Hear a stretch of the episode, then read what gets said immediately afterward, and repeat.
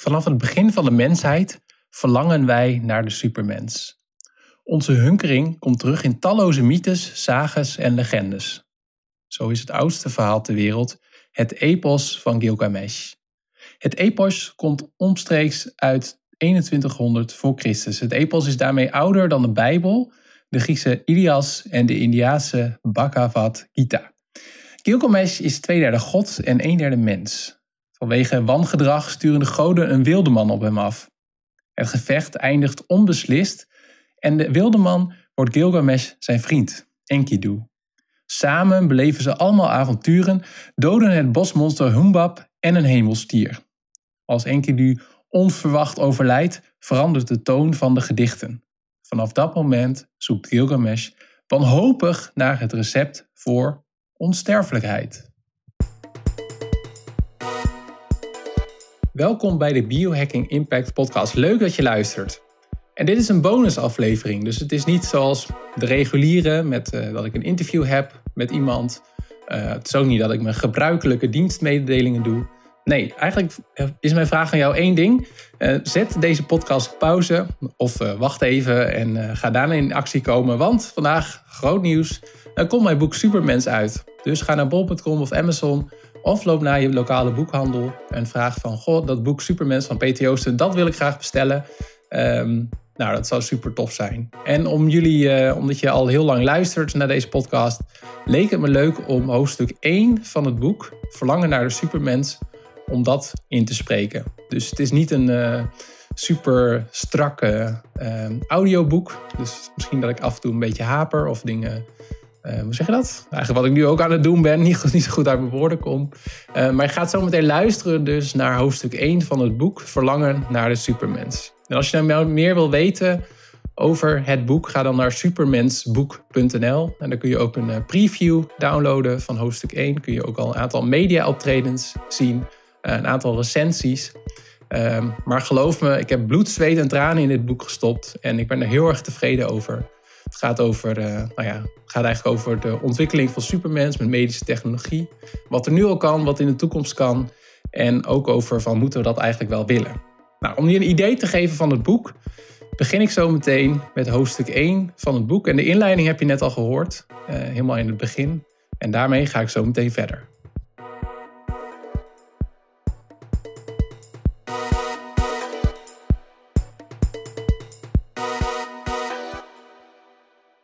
Onze fascinatie. De hoofdrolspeler in het oudste verhaal ter wereld is bovenmenselijk. Gilgamesh gebruikt zijn kracht om te vechten tegen bosmonsters en dieren uit de hemel. De fascinatie van gewone stervelingen met mensen met buitengewone, soms zelfs goddelijke capaciteiten, is een rode draad door onze mythenzagen en fantasieën. In alle culturen en alle tijden vertellen mensen elkaar verhalen.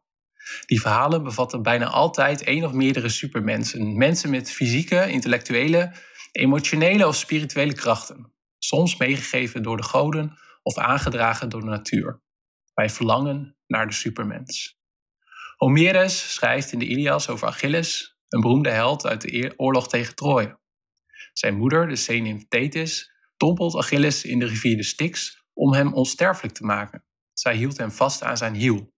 Dat was de enige zwakke plek van Achilles. In Afrika woonde volgens de overlevering Shirui, letterlijk een half mens. Het wezen heeft één arm, één been en één zijde van een romp. Zijn superkracht is dat hij daardoor van opzij onzichtbaar is. Shirui dwaalt door de oerwouden rond Nyasaland, het huidige Malawi. Zijn missie is om kinderen te beschermen en voor dat doel kan hij zichzelf ook transformeren in een reusachtige vogel. Op het schiereiland Yucatan in het zuidoosten van Mexico leefde de Maya-legende Hua Chivo.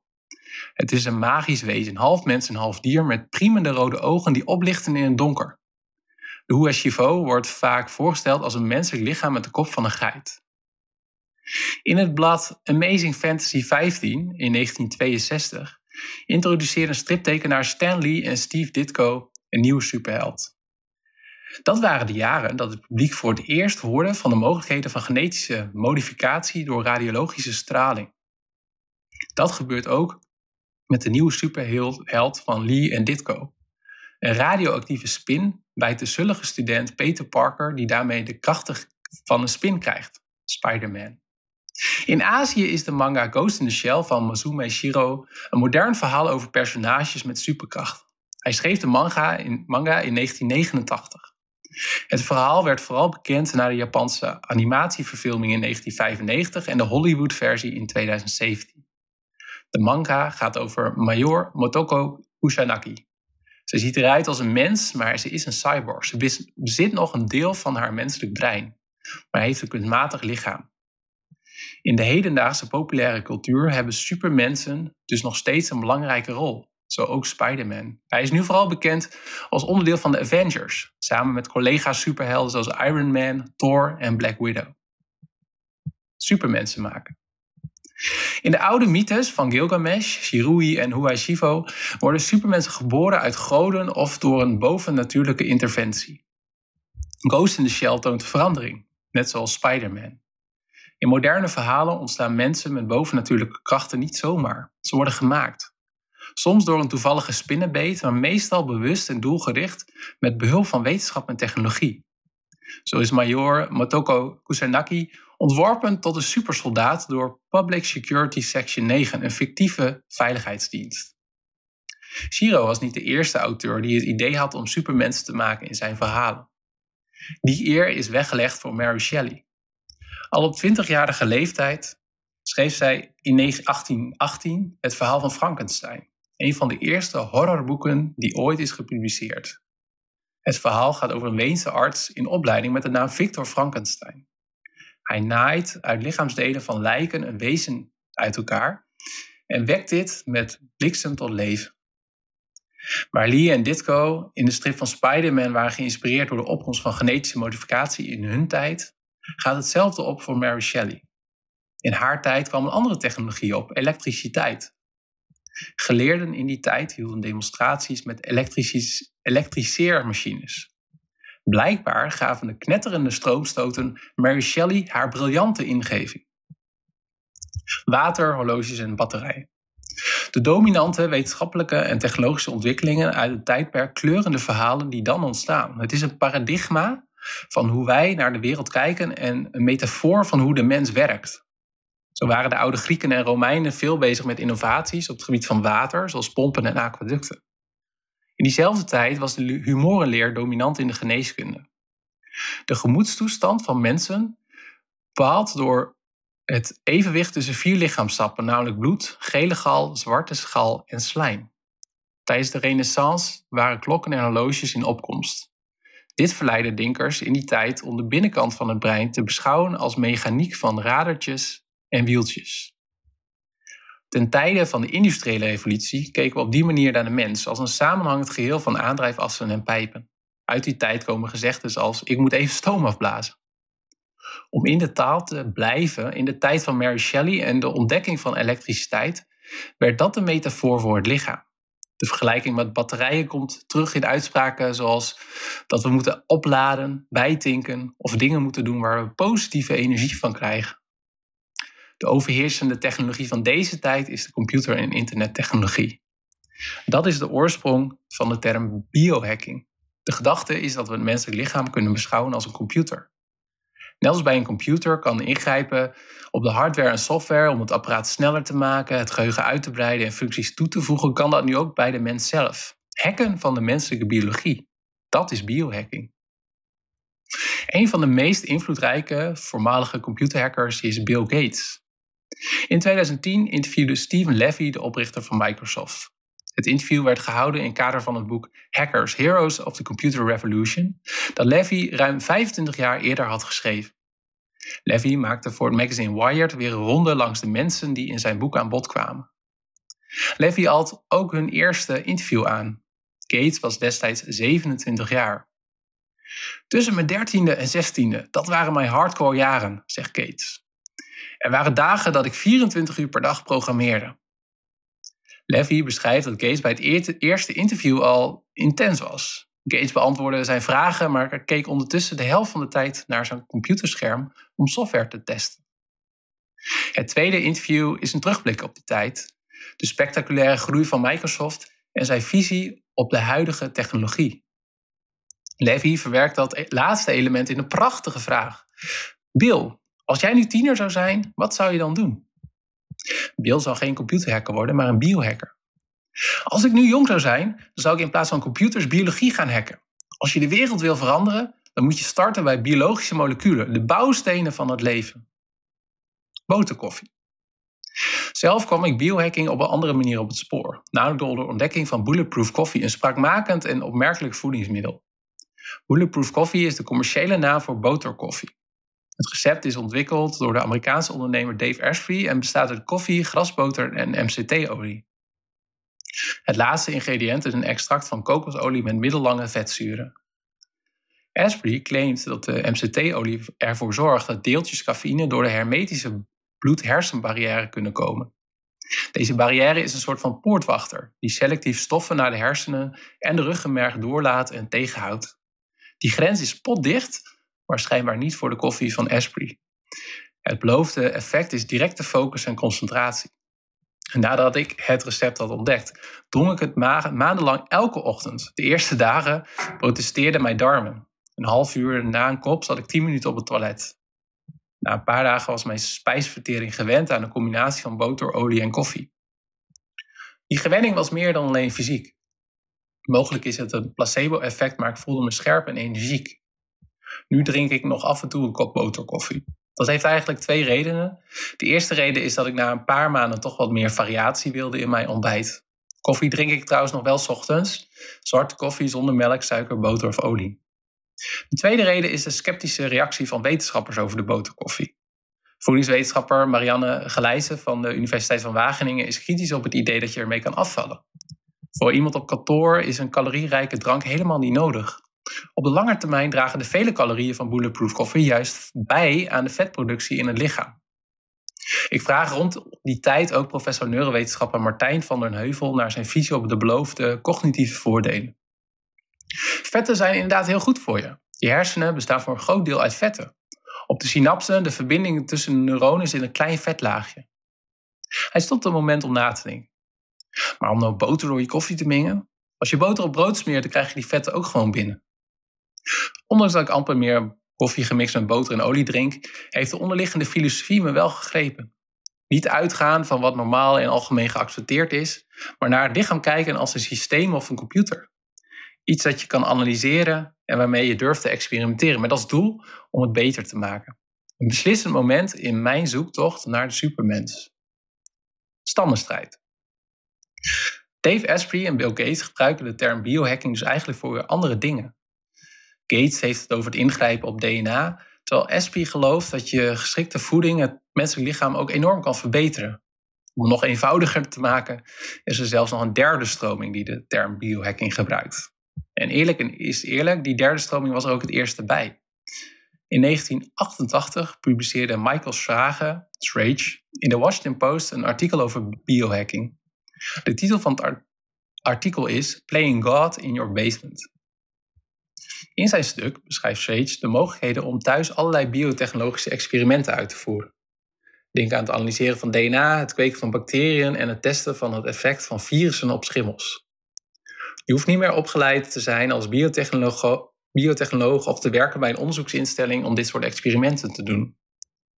Net zoals computerhackers samenkomen in hackerspaces, verzamelen deze biohackers zich in zogenaamde open wet labs.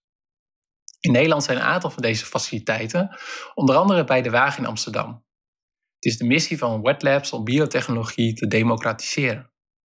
Door geïnteresseerde leken te laten ervaren wat het is om met biologie te knutselen, voelt biologie, biotechnologie minder ongrijpbaar en mystiek.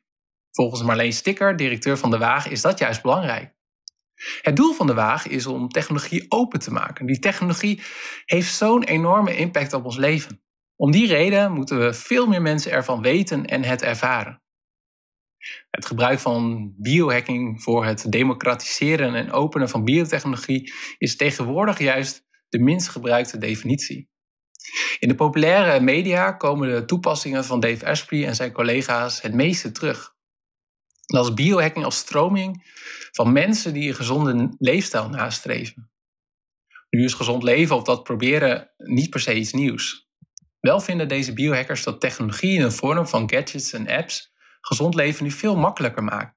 Althans, dat is de belofte. Je kan shortcuts vinden om heel gezond te zijn, zoals de hack om je koffie aan te vullen met boter en olie. Tot slot, biohacking als synoniem voor mensverbetering. Aanhangers van deze definitie hebben vaak nog een relatie met de amateur-biotechnologen, zoals bij de Waag, maar moeten niets hebben van het gedachtegoed van Dave Asprey. In de kringen van deze mensverbetering biohackers circuleren memes op social media waarmee, waarin de boterkoffie en andere leefstijltips belachelijk worden gemaakt. Het is een soort van stammenstrijd tussen deze twee groepen. Zelf heb ik ervaring in en met alle drie de stromingen. In 2019 volgde ik de Biohack Academy bij de Wagen in Amsterdam. Deze opleiding is erop gericht om op een basisniveau te leren met biotechnologie in een laboratorium. In de afgelopen jaren heb ik daarnaast tal van gekke experimenten gedaan uit de tweede categorie, die van, die van een gezonde leefstijl. Een aantal van deze hacks kom je tegen in dit boek, zoals winterzwemmen, het slikken van slimme pillen of het sturen van een kleine elektrische stroompjes op de schedel. De laatste methode, met de naam TDCS, heeft als doel om je concentratie te verbeteren. In hoofdstuk 9 lees je meer over het hoe en waarom van deze techniek. Wat mij betreft is de belangrijkste stroming van biohacking als mensverbetering. Door wetenschappelijke en technologische vooruitgang op tal van domeinen zijn we als mens steeds beter in staat om onszelf te verbeteren. Zijn we in staat om supermens te worden? Is dat eigenlijk wel iets wat we met elkaar moeten willen? Dat is waar dit boek over gaat. Sprong vanuit de geneeskunde. Nu vraag je je wellicht af wie zich bewust bezighoudt met het maken van supermensen. Zijn dat biohackers in hun kelders, kwaadaardige schurken zoals uit oude James Bond films, of legers die supersoldaten willen maken? Al deze scenario's zouden kunnen. In de rest van het boek kom ik nog een aantal keren terug op proefkonijnen die op zichzelf experimenteren. In het laatste hoofdstuk schrijf ik over de ideeën van, over verbeterde soldaten in de oorlog of aangepaste astronauten voor in de ruimte. Schurken ben ik in mijn zoektocht niet tegengekomen, al zijn er oplichters die een verjongingskuur beloven met opmerkelijke methoden. Het implanteren van lichaamsdelen van apen. Meer daarover in hoofdstuk 13. De groep die het meeste bijdraagt aan de supermens zijn wetenschappers. Vooral onderzoekers in biotechnologie, geneeskunde of biomedische technologie verbeteren ons als mens en de mensheid. Zij maken ons supermensen en ze gaan ons nog beter maken. Het probleem, of geluk zoals je wil, is dat mensverbetering niet hun doel is. Ik ben in alle gesprekken met wetenschappers in de afgelopen jaren er niet één tegengekomen die expliciet zei dat zij een supermens wilden maken. Onderzoekers werken aan projecten om patiënten te helpen, om ziektes te genezen, symptomen te bestrijden, pijn tegen te gaan en om de wetenschappelijke kennis te vergroten. In sommige gevallen springt hun werk over van genezen naar verbeteren. Dat blijkt, dan blijkt dat hun methode niet alleen zieke mensen helpt, maar blijken gezonde mensen ook baat te hebben bij hun ontdekking. Door het boek geef ik uh, meer voorbeelden, maar de beste manier om dit te illustreren is het verhaal uit het begin van de 20e eeuw in Berlijn. Jacques Joseph, van 1865 tot 1943 werkte hij, uh, leefde hij, is een Joodse orthopedische chirurg uit Berlijn. Hij is niet geïnteresseerd in conventionele orthopedie. Chirurg Joseph is vooral geïnteresseerd in de mogelijkheden om het menselijk lichaam via de medische weg te veranderen. Hij wordt zelfs ontslagen als hij bij een Joods kind opereert. De jongen had namelijk wijd uitstaande oren die Jozef vlakker tegen het hoofd plaatste. Dat was ongehoord volgens zijn baas. Dat was namelijk geen echte chirurgie, maar cosmetische chirurgie. Het is zonde om de kostbare chirurgische kennis te gebruiken voor lege ijdelheid. Dat het kind om zijn flaporen voortdurend werd geplaagd, deed er blijkbaar niet toe. Jacques Joseph begint daarop zijn eigen kliniek. Zijn specialisme is cosmetische rhinoplastiek, dat is neusverandering. Hij heeft zoveel succes dat zijn bijnaam Nazen Jozef krijgt. Na neuzen ging hij ook aan de slag met oren en andere lichaamsdelen. Het voornaamste doel van zijn patiënten is dat zij na de operatie onopvallend in de massa kunnen verdwijnen. Dat is namelijk wat ze wilden: niet langer als een jood opvallen, maar onderdeel zijn van de anonieme stedelijke massa. Jacques Joseph had succes in Berlijn, maar zijn bekendheid nam echt een vlucht tijdens de Eerste Wereldoorlog. Duizenden soldaten kwamen terug van het front met kap kapotgeschoten gezichten. Allemaal wilden ze geholpen worden door Jacques Joseph. Zijn reputatie steeg naar grote hoogte, net als het verlangen van de het vakgebied van de cosmetische chirurgie. Tegenwoordig wordt plastische chirurgie zeker nog ingezet om patiënten te helpen, maar voor het overgrote deel gaat het over verbeteren. Neem het land Zuid-Korea. Daar geven de inwoners gemiddeld per persoon het meeste uit aan plastische chirurgie. In de stad Seoul alleen al zijn rond de 600 klinieken voor cosmetische ingrepen. Uit onderzoek van het Peer Research Center komt naar voren dat 14% van de vrouwen plastische chirurgie heeft ondergaan. Het percentage is 30% voor vrouwen rond de 20 jaar. Opmerkelijk genoeg is onopvallendheid, zoals in de tijd van Jacques Joseph, niet de primaire drijfveer voor de meeste cliënten die in Zuid-Korea een behandeling ondergaan. Onderzoeker So Yeon Lee geeft aan dat het doel van de meeste patiënten vooruitgang is. Zij willen beter dan normaal zijn en het teken van veroudering tegengaan. Leen verklaart de populariteit van cosmetische ingrepen vanuit de cultuur in het land. In Zuid-Korea zijn opleiding, zelfontwikkeling en zelfverbetering belangrijke waarden. Verlangen. Net als de Zuid-Koreanen lijkt van alle beelden die we van supermens hebben, verjongen het belangrijkste verlangen te zijn.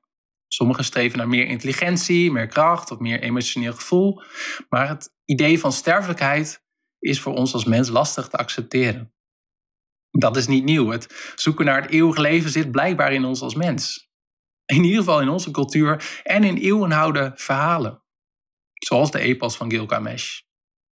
Na het onverwacht overlijden van zijn beste vriend Enkidu zoekt Gilgamesh wanhopig naar het recept voor onsterfelijkheid.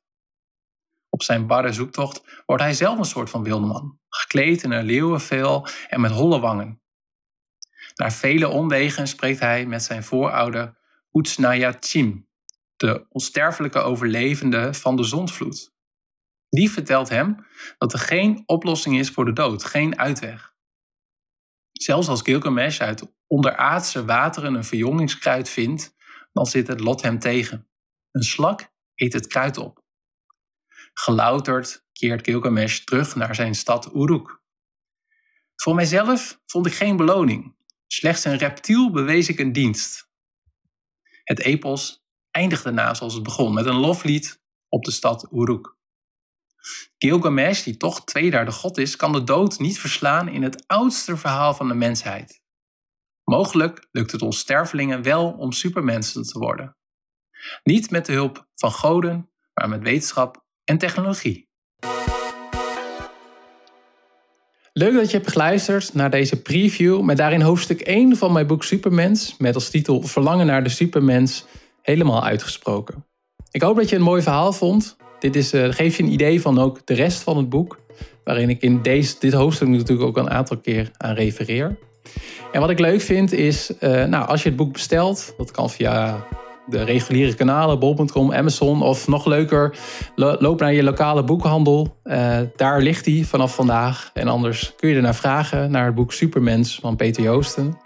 Voor meer informatie kun je ook naar supermensboek.nl gaan. Uh, als je daar je e-mailadres achterlaat, krijg je een preview van de inleiding in hoofdstuk 1 en ook de inhoudsopgave. Daarin staat ook een aantal media-optredens waarin ik ben geweest over dit boek. En wat ik ook leuk vind, waarmee je me ook enorm zou kunnen helpen, is als je het boek binnen hebt gekregen, uh, ja, als je het dan zou willen delen op social media. Uh, en mij daarin taggen. Op Instagram ben ik Joosten underscore net. Op Twitter ben ik WP Joosten. En op LinkedIn kun je mij ook vinden onder Peter Joosten. en als je mij daarin tagt, ook heel mooi is als je de hashtag Supermens kan gebruiken.